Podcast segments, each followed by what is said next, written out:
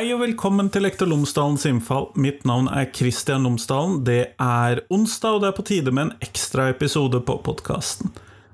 Denne episoden den er med Anja Johansen, som er statssekretær i Kunnskapsdepartementet.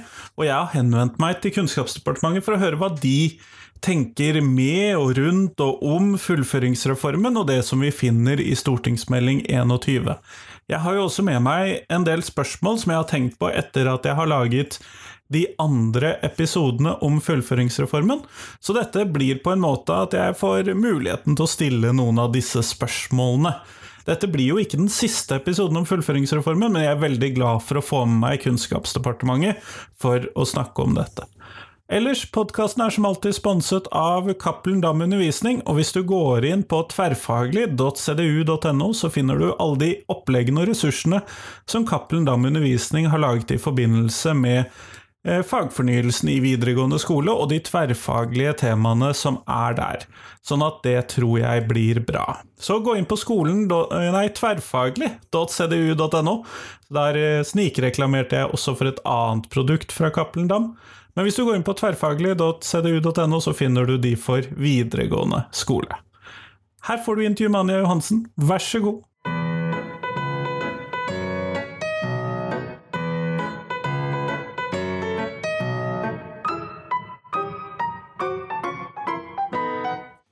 Anja Johansen, tusen takk for at du har tatt deg tid til meg i dag.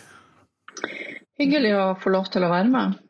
Før vi starter selve intervjuet, så hadde jeg håpet at du kunne fortelle lytterne mine tre ting om deg selv, sånn at de kan få bli litt bedre kjent med deg. Ja, um, jeg er, er lofoting og, og, bor til vanlig i Lofoten. Men nå har jeg jo vært i pendlerbolig i Oslo og koronafast her i, i evigheter. Um, så kom jeg til statssekretærjobben fra jobb som lærer i videregående mine undervisningsfag er norsk og tysk. Og så har jeg vært kontaktlærer for påbyggerne i veldig mange år. Um, og så har jeg notert meg programlederen sitt engasjement i Human-Etisk Forbund, og der er jeg også medlem og har også vært eh, bidragsyter på konfirmasjonskurs i noen år. Kjempeflott. Det er jo eh, humanist-Christian veldig glad for. Men det som vi skal snakke om i dag, det er fullføringsreformen. Og fra din stol i Kunnskapsdepartementet, hva vil du trekke fram som de viktigste aspektene ved nettopp denne reformen?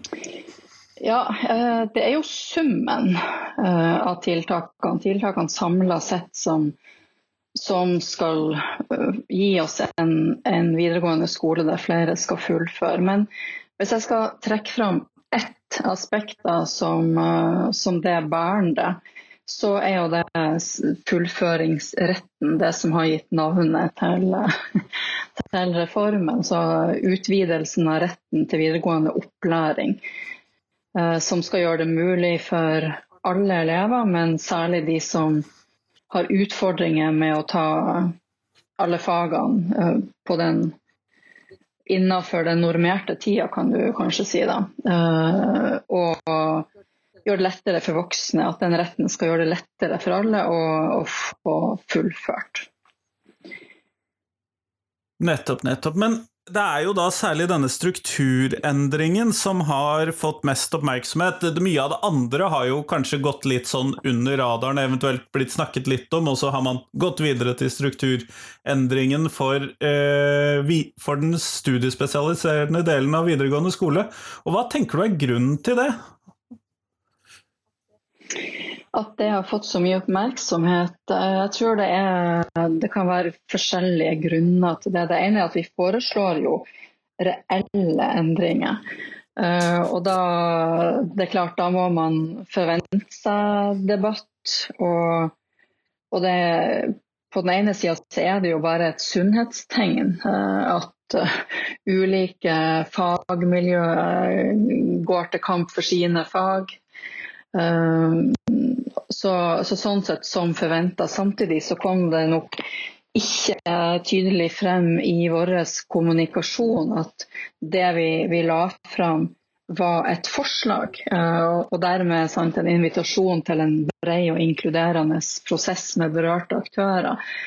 Det har jo blitt fremstilt i media som at regjeringa vil fjerne fag. Det vil vi jo ikke.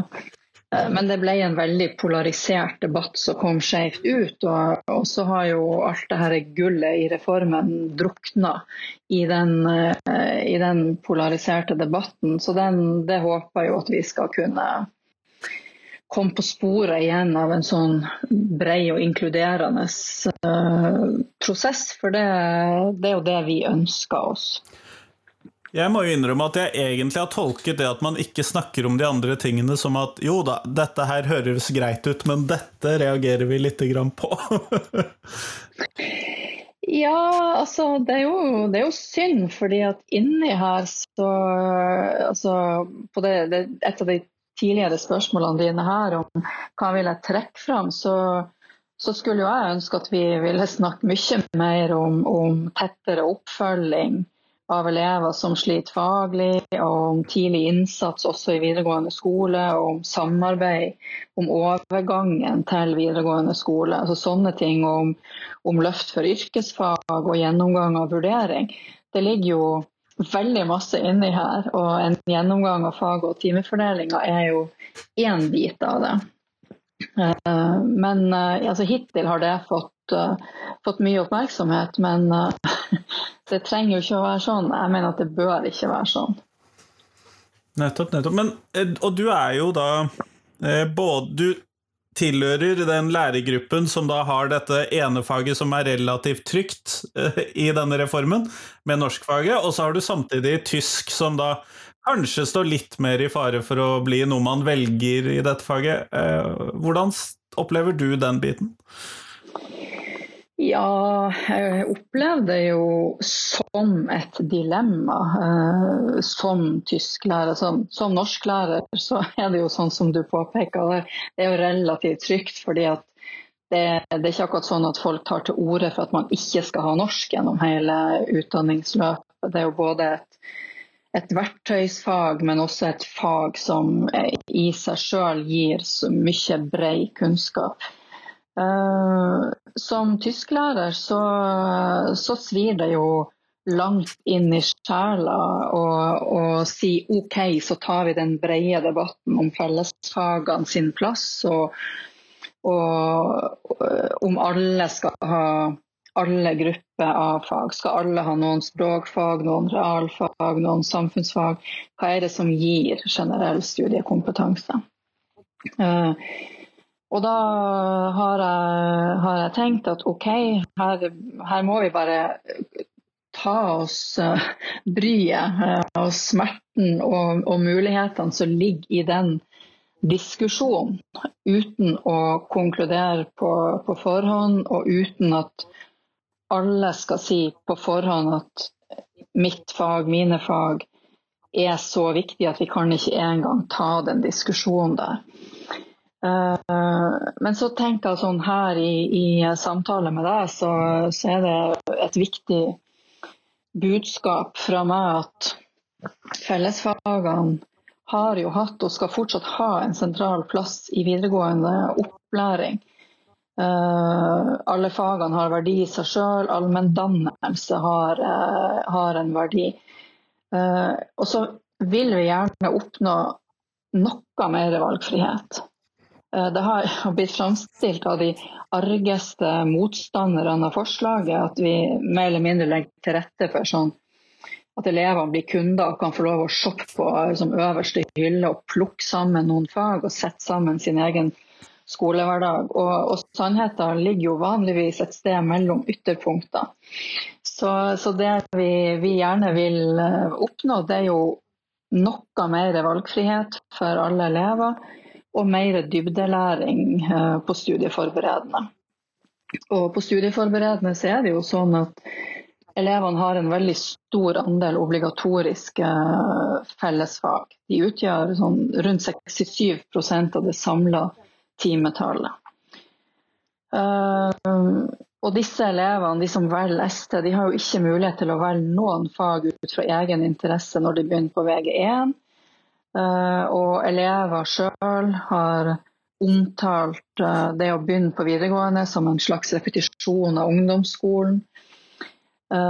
Så, så det vi, vi ønska oss, det var jo den her brede diskusjonen av hva er det som, som gjør deg til et, et studiekompetent ungt menneske? Hva må du ha med deg av felles ballast, og hva kan være åpent for elevene sine valg? Uh, og, og, vi ønska oss en, en, prosess som kunne ha ligna noe på, på, fagfornyelsen når det gjelder bred involvering av sektoren. Uh, i, i, mange møter gjennom det siste året så har jeg hørt folk fra de ulike skoleorganisasjonene løfte fram fagfornyelsen som den nye malen for hvordan vi må involvere sektoren, og det er jo veldig bra. Jeg har jo vært lærer sjøl mens den prosessen pågikk, og, og, vet at vi ble involvert og satt og jobba med utkast 1, utkast 2 til, til læreplan, og, og fikk med inn masse. Så det å ha eierskap til det. Ehm, så, så, tror jeg jo at når, eller håper det blir sånn at når vi, vi kommer til det punktet at vi, vi, har diskutert, så vil vi befinne oss sånn midt på en linje. At det ble litt sånn ytterpunktsprega nå. Du kan si at Det ene ytterpunktet det vil jo være å bevare status quo. At vi ikke endrer noe på mengde fellesfag, eh, hvilke noen fellesfag. Uh, kanskje vil den eneste endringa vi gjør, være å si at ok, men da tar vi naturfag på høsten og geografi på våren, og så vil det i seg sjøl, en sånn periodisering vil i seg sjøl gjøre at elevene kan fordype seg noe mer, får færre vurderingssituasjoner som går parallelt gjennom året. Uh, og så vil jo det andre ytterpunktet bli en radikal endring i mengden fellesfag imellom de to ytterpunktene så, så ligger det jo mange muligheter. Uh, og vi, vi, ønsker oss en, en reelt bred prosess som involverer alle berørte parter, der vi både kan snakke om hva for noen fag må alle ha, uh, der vi kan snakke om tematisk bredde i noen fag og, og kryssende uh, tema eller et sammenfallende tema. Uh, mengde vurderingssituasjoner, type vurderingssituasjoner. Uh, skal vi eventuelt utvide timetallet for de som går på ST? Så det er masse, masse her som man uh, kan diskutere. Og mens vi, vi diskuterer dette, så vil jo fagfornyelsen ha blitt fullt implementert og vi vil ha den som et kunnskapsgrunnlag også. Den, den åpner jo også for mer dybdelæring. Så ja. Så, og det er, jo sånn, det er jo En av hensiktene bak fagfornyelsen er jo å få mer rom for fordypning. Og så ønsker vi å forsterke dette, men også å åpne for noe valgfrihet. Selv om det jo aldri har vært hensikten å ha sånn tivoli der du får liksom plukke premien øverst og ikke, at det ikke skal ligge obligatoriske fag der. Det, det har ikke vært tanken. Uh, men vi, vi, gikk jo ut og, og sa at uh, vi mente at de og de og de fagene, matte, norsk og engelsk, og det her faget som media da kalte for fremtidsfaget, ja, det var jo et litt morsomt uh, skue, akkurat den biten. ja, og, også, og, det ble jo veldig, veldig heftig diskusjon. Uh, Nå har det jo vært Altså vår intensjon var jo at alle elever skulle kunne få det som ligger i, i historie, samfunnsfag, sånn at Sånn sett så kunne du si at det ville ha vært et kjempeløft for allmenndannelsen det vi foreslo, for det ville jo ha angått den andre halvparten av elevene, yrkesfagelevene som ikke har det kravet i dag til historiefaget. Eh, men eh, jeg håper fortsatt at det blir en sånn bred debatt. Eh, ja. Men men når vi da er inne på det, så Jeg tilhører jo, hvis vi først skulle gjort skolen veldig valgfri, sånn som man kunne se for seg i det mest radikale forslaget som dere kom med, den ene siden hvor det var vel, bare disse tre fagene som ble beholdt, eh, som fellesfag, da. Eh, jeg skjønner jo at de skal beholde som programfag, de andre fagene, sånn at eh, den biten er ikke jeg så i tvil om. Men hvorfor skal disse tre beholdes som fellesfag hvis man først skal gjøre det mer valgfritt? Kunne vi ikke også der forutsette at de fikk det, det de trengte som det grunnleggende basis allmenndannende kunnskapen i løpet av grunnskolen der også? Jo, altså det er nok mange innfallsvinkler man kunne valgt for å, å, si noe om dette. Jeg kunne jo kanskje ha valgt å si at vi må ha en helt sånn kollåpen diskusjon av hva for noen fellesfag skal vi ha i videregående skole, og så ikke legge noen føringer. Eller eh, å gå enda lenger og legge flere fag i, i, potten og si at dette skal alle ha, men så kan vi diskutere et par-tre fag som kanskje ikke alle skal ha. Eh, og vi, eh, vi, la oss på at eh, alle må ha norsk, engelsk og matte. Og det her allmenndannende historie, samfunnsfag, ish-faget. og, og, om du kan si, Vi traff jo ikke akkurat på, på hoppkanten med, med, den måten, og så ble det, ble det hissig av av debatten i media som, og, om, og som måten det blir omtalt og sånn. Uh, men, men uh, fortsatt så er jo intensjonen et ønske om denne brede, inkluderende debatten. altså blant, blant uh, pedagoger og skoleledere, elevorganisasjons, lærerorganisasjonene, fagmiljøene. Og som vi skal ta oss tid til å gjøre ordentlig. Det er jo heller ingen som har sagt at vi må vi må spurte i gang den diskusjonen sånn veldig raskt. Vi er jo i eh, pandemisituasjonen. Så det, det kan jo helt sikkert være hensiktsmessig å, å ja, ta seg tid til vi er i mer en normalsituasjon før vi setter i gang alle prosesser som vi ser for oss som oppfølging av eh, stortingsmeldinga. Nettopp, nettopp. Men uh, en ting som har dukket opp i disse ekstraepisodene mine om uh, fullføringsreformen, har vært dette med å opprettholde valgfriheten også ute i små skoler i distriktene eller i fylkeskommuner som har en stram økonomi. Jeg har nettopp deltatt i et tillitsvalgsmøte hvor man snakker om at man har kuttet i mange år på rad, og fremdeles så vil fylkeskommunen kutte. Hvordan skal man opprettholde en reell valgfrihet i programfag også i de situasjonene og ute i distriktene med få elever? Ja, det er jo sånn i dag, eh, og det har jo vært sånn alltid så lenge vi har hatt videregående tilbud i hele landet, at tilbudet varierer. Eh, jeg kommer jo sjøl fra det som må kunne defineres som en mindre videregående skole. og og på min skole eh, har vi jo ikke den samme bredden i, i fagtilbud som man har på en, en større skole i mer tettbygde strøk. Så, så, denne diskusjonen vil jo ikke være ny. Den har vært der uh, hele tida. Og det å ha gode skoletilbud i hele landet, det må vi jo bare erkjenne det er en utfordring. Og så må vi, må vi fortsette å være ja, bevisst på den. og, og prøve å både tilby det vi tenker på som helt sånn grunnleggende dette må alle elever ha. Samtidig hva har vi av lærerressurser, hva, hva etterspørres der ute.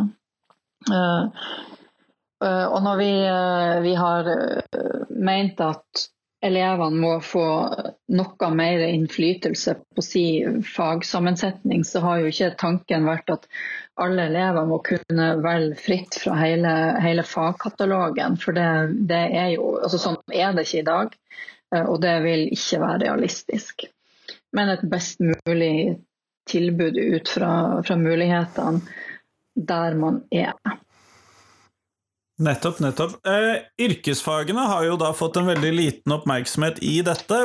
Hvilke tanker gjør du deg rundt at eh, man eh, i liten grad har debattert tiltakene som ligger til grunn i yrkesfagene her? Ja, det er jo eh, synd. Det er jo en debatt vi, vi svært gjerne vil ha. Så vi er kjempeklar for å, for å diskutere yrkesfag og, og andre tiltak i meldinga. Uh, yrkesfag er en prioritering for regjeringa, og, og, det handler masse om yrkesfag i, i denne stortingsmeldinga. Uh, og det er jo det er jo fordi at yrkesfag er, er, så viktig at vi har foreslått rett til læreplass eller et likeverdig tilbud. og, og videreføre samarbeidet med partene i arbeidslivet og lage en ny samfunnskontrakt for flere læreplasser. og at elevene skal bli bedre forberedt på det å gå ut i lære gjennom opplæringa på skolen før de kommer til det punktet for å gå ut i lære. Eh, og videreutvikle den lærlingeklausulen som vi har i dag, som har eksistert siden 2017. Eh, og som stiller krav til bruk av lærlinger i offentlige anbud. fordi at denne klausulen har bidratt til 640 flere læreplasser siden innføringa. Eh, og så er det jo også på yrkesfag at frafallet er størst og bruker lengst tid på, på gjennomføringa. Og, og, vi vet at det er et stort behov for flere fagarbeidere, både nå og i beregninger fra SSB for hva, hva slags etterspørsel det kommer til å være. NHO sitt kompetansebarometer viser at det er stort behov for fagarbeidere i dag som er udekka. Uh, og så er det sånn at bare, bare 41% av de som begynner på yrkesfag, har tatt fagbrev seks år etter oppstarten. Så det er helt avgjørende å lykkes uh, med at flere skal, skal gjennomføre på, på yrkesfag. Um, i, eh, det er for få som får eh, læreplass i dag. I, eh, i 2020 så var det 4400 ungdommer som sto uten læreplass. Og så gjorde jo selvfølgelig koronapandemien at situasjonen ble ekstra vanskelig da. Og vi, vi vil at det fortsatt skal være sånn at det å bli lærling, det skal være førstevalget for de som ønsker seg et fag eller et svennebrev.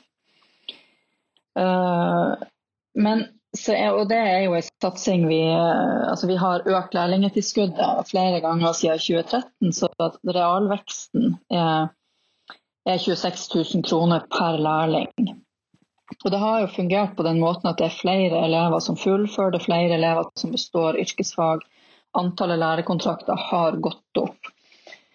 Eh, de har gått opp med 24% siden 2012 til 2019, så det går jo det går rett vei.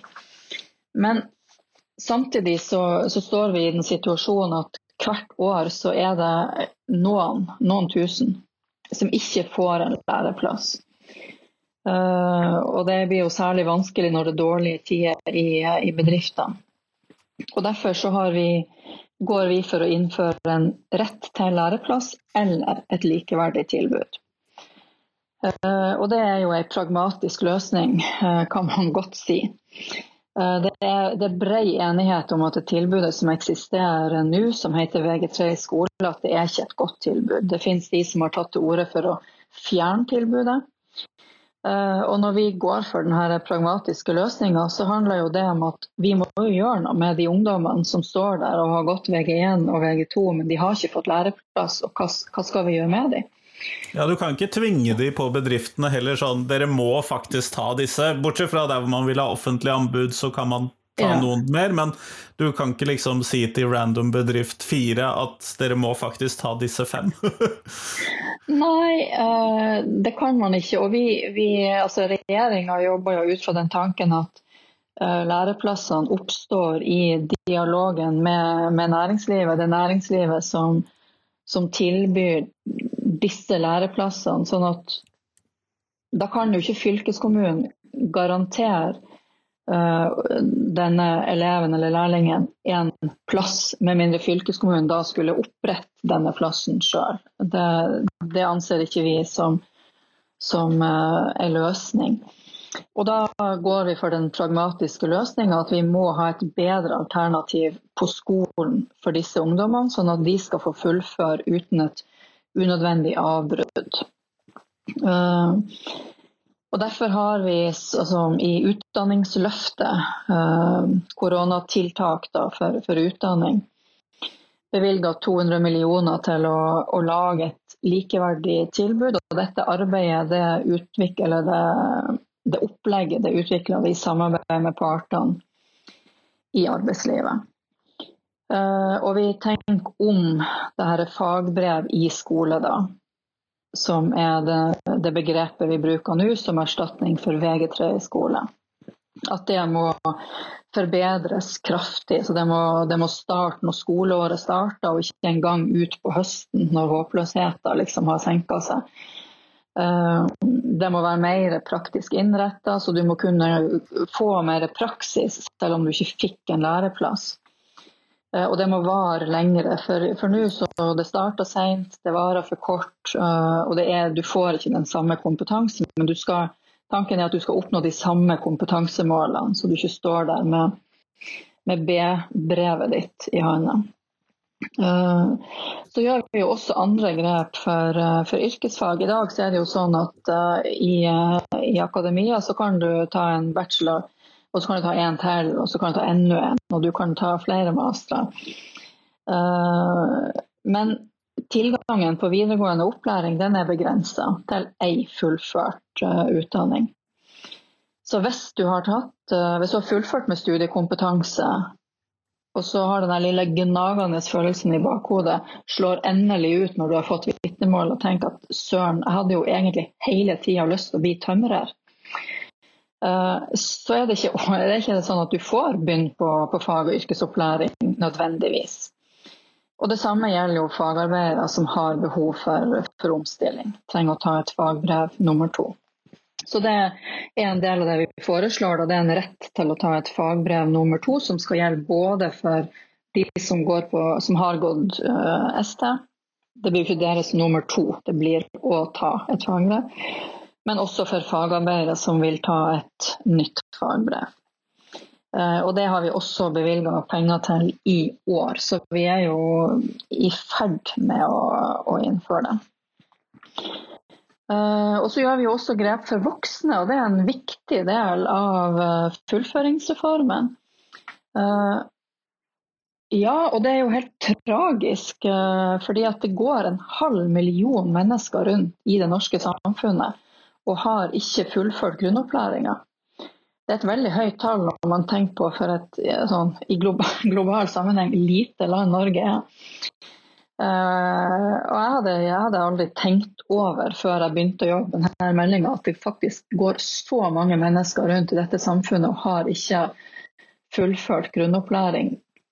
Vi vet at det er, det er sammenheng mellom fullført grunnopplæring og utenforskap i, uh, som voksen tilknytning til arbeidslivet er, henger nært sammen med om du har fullført grunnopplæringa. Så, så, Derfor er det kjempeviktig å ha et tilbud som også gir voksne folk tilgang på videregående opplæring til de har fullført. Og det vi foreslår, er at hovedmodellen for de voksne skal være modulbasert oppbygging. Eh, og Forklaringa på det er at uh, mange voksne kan ha forpliktelser, de kan ha en jobb eller et familieliv som gjør det vanskelig å, å sette seg i et klasserom og være elev på samme måte som, som uh, yngre elever. Det kan jo også være at de har en realkompetanse som gjør at de ikke trenger å ta alt. Og fordi at de er voksen, så har de jo også inne en del av det som vi gir elever gjennom skolen, men som man ikke uh, trenger at voksne skal, skal bruke tida si på for at de skal nå på en effektiv måte nå frem til, til den sluttkompetansen de trenger. Så Kompetansemålene vil jo bli de samme, men, men fagene kan bli modulisert for at de skal kunne oppnå sin uh, nødvendige sluttkompetanse. Nettopp, nettopp. Eh, I denne meldingen så opplever jeg jo ikke at det legges opp til den samme debatten om hva skal vi kalle fellesfagstruktur for yrkesfagene. Hvorfor er ikke det inkludert inn i dette? Jo, vi har også forslag om å se på mengde fellesfag og se på, på yrkesretting. Eh, for relevans for yrkesfagene. Men uh, i likhet med en del andre punkter, altså også punktet om uh, vurdering, så, så har jo dette forsvunnet i, i den foreløpige offentlige debatten. Uh, men eh, det får vi jo håpe at vi kan komme tilbake til. da. Ja, et Siste avsluttende spørsmål før du må løpe videre. Hva er de tre viktigste tingene skolen lærer elevene? ja, du, det har jeg tenkt på. Hvordan svarer man som kort på det, og hva er de tre viktigste? Det er liksom helt sånn umulig spørsmål. Så jeg kokte det egentlig ned til to. Uh, når det nå først var så umulig. Uh, det ene tenker jeg det er å bli et tolerant og, og hyggelig medmenneske. Altså bli din beste utgave av deg sjøl. Og lære åpenhet og toleranse. Eh, og så er det jo naturligvis de grunnleggende ferdighetene. Altså, når du har de inne og du har lært å lære, så har, jo skolen lært deg tror jeg, det aller viktigste. Og så tenkte jeg hvis jeg da kom inn på sånn tredje punkt, så, så var jeg redd for at jeg skulle tulle meg inn i en lang forklaring om enkeltfag. Jeg er jo selvfølgelig veldig frista til å si at språk åpner dører, jeg er jo tross alt tysklærer. Men uh, jeg tror jeg holder meg til, til det å bli uh, ja, et tolerant og, og, hyggelig medmenneske, og så de grunnleggende ferdighetene. Og så er alt det andre også uh, jeg holdt på å si, like viktig. Men da vil jeg ikke plukke ut enkeltbiter. Kjempeflott. Tusen takk for at du tok deg tid til meg i dag, Anja. Takk for at jeg fikk lov til å være med.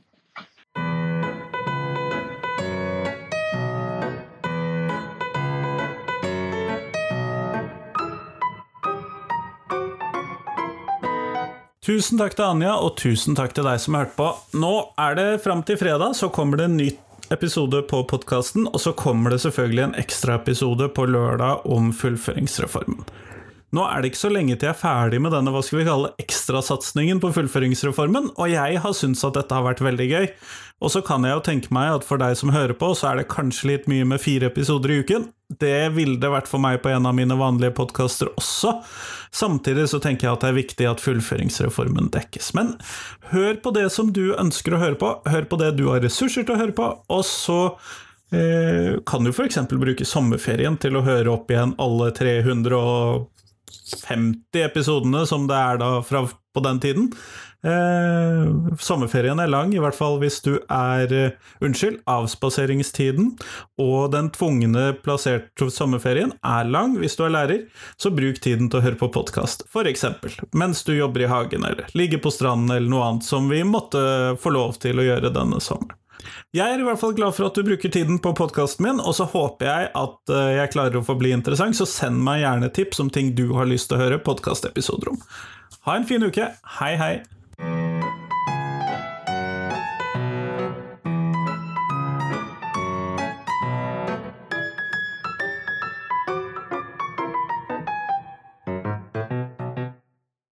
Husk det at du kan gå inn på iTunes, podkaster andre steder, og så rate podkasten. Det blir jeg kjempeglad for. Gjerne full pott, selvfølgelig. Men vi høres!